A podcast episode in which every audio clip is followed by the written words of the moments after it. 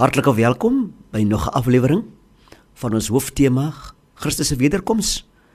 En uh, ons gaan voort met die reeks oor die tekens van die tye en ons vind vanaand ons skriflesing in Matteus 17 vers 27. Maar ons moenie hierdie mense aanstoot gee nie. Gaan see toe en gooi hoek in. En die eerste wat byt, moet jy uittrek. As jy sy bek oopmaak, sal jy 'n silwer muntstuk daarin kry.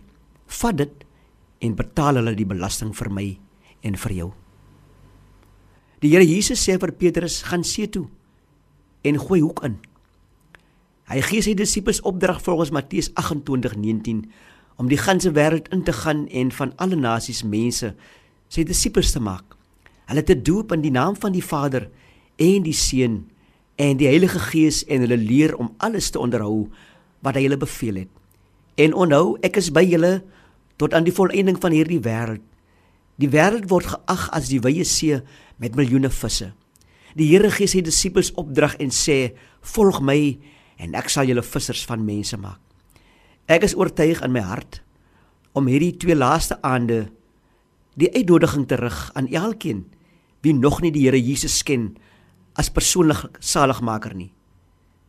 Die Here deur hierdie gedagte vir u 'n guldige geleentheid skep om met hom vrede te sluit sodat u ook met verwagting kan uitsien na daardie onbeskryflike dag van sy wederkoms. Liewe luisteraar, van die begin af was sy wederkoms naby.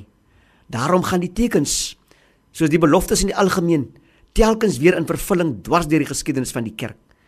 Die Here stel die vervulling van sy belofte nie uit nie.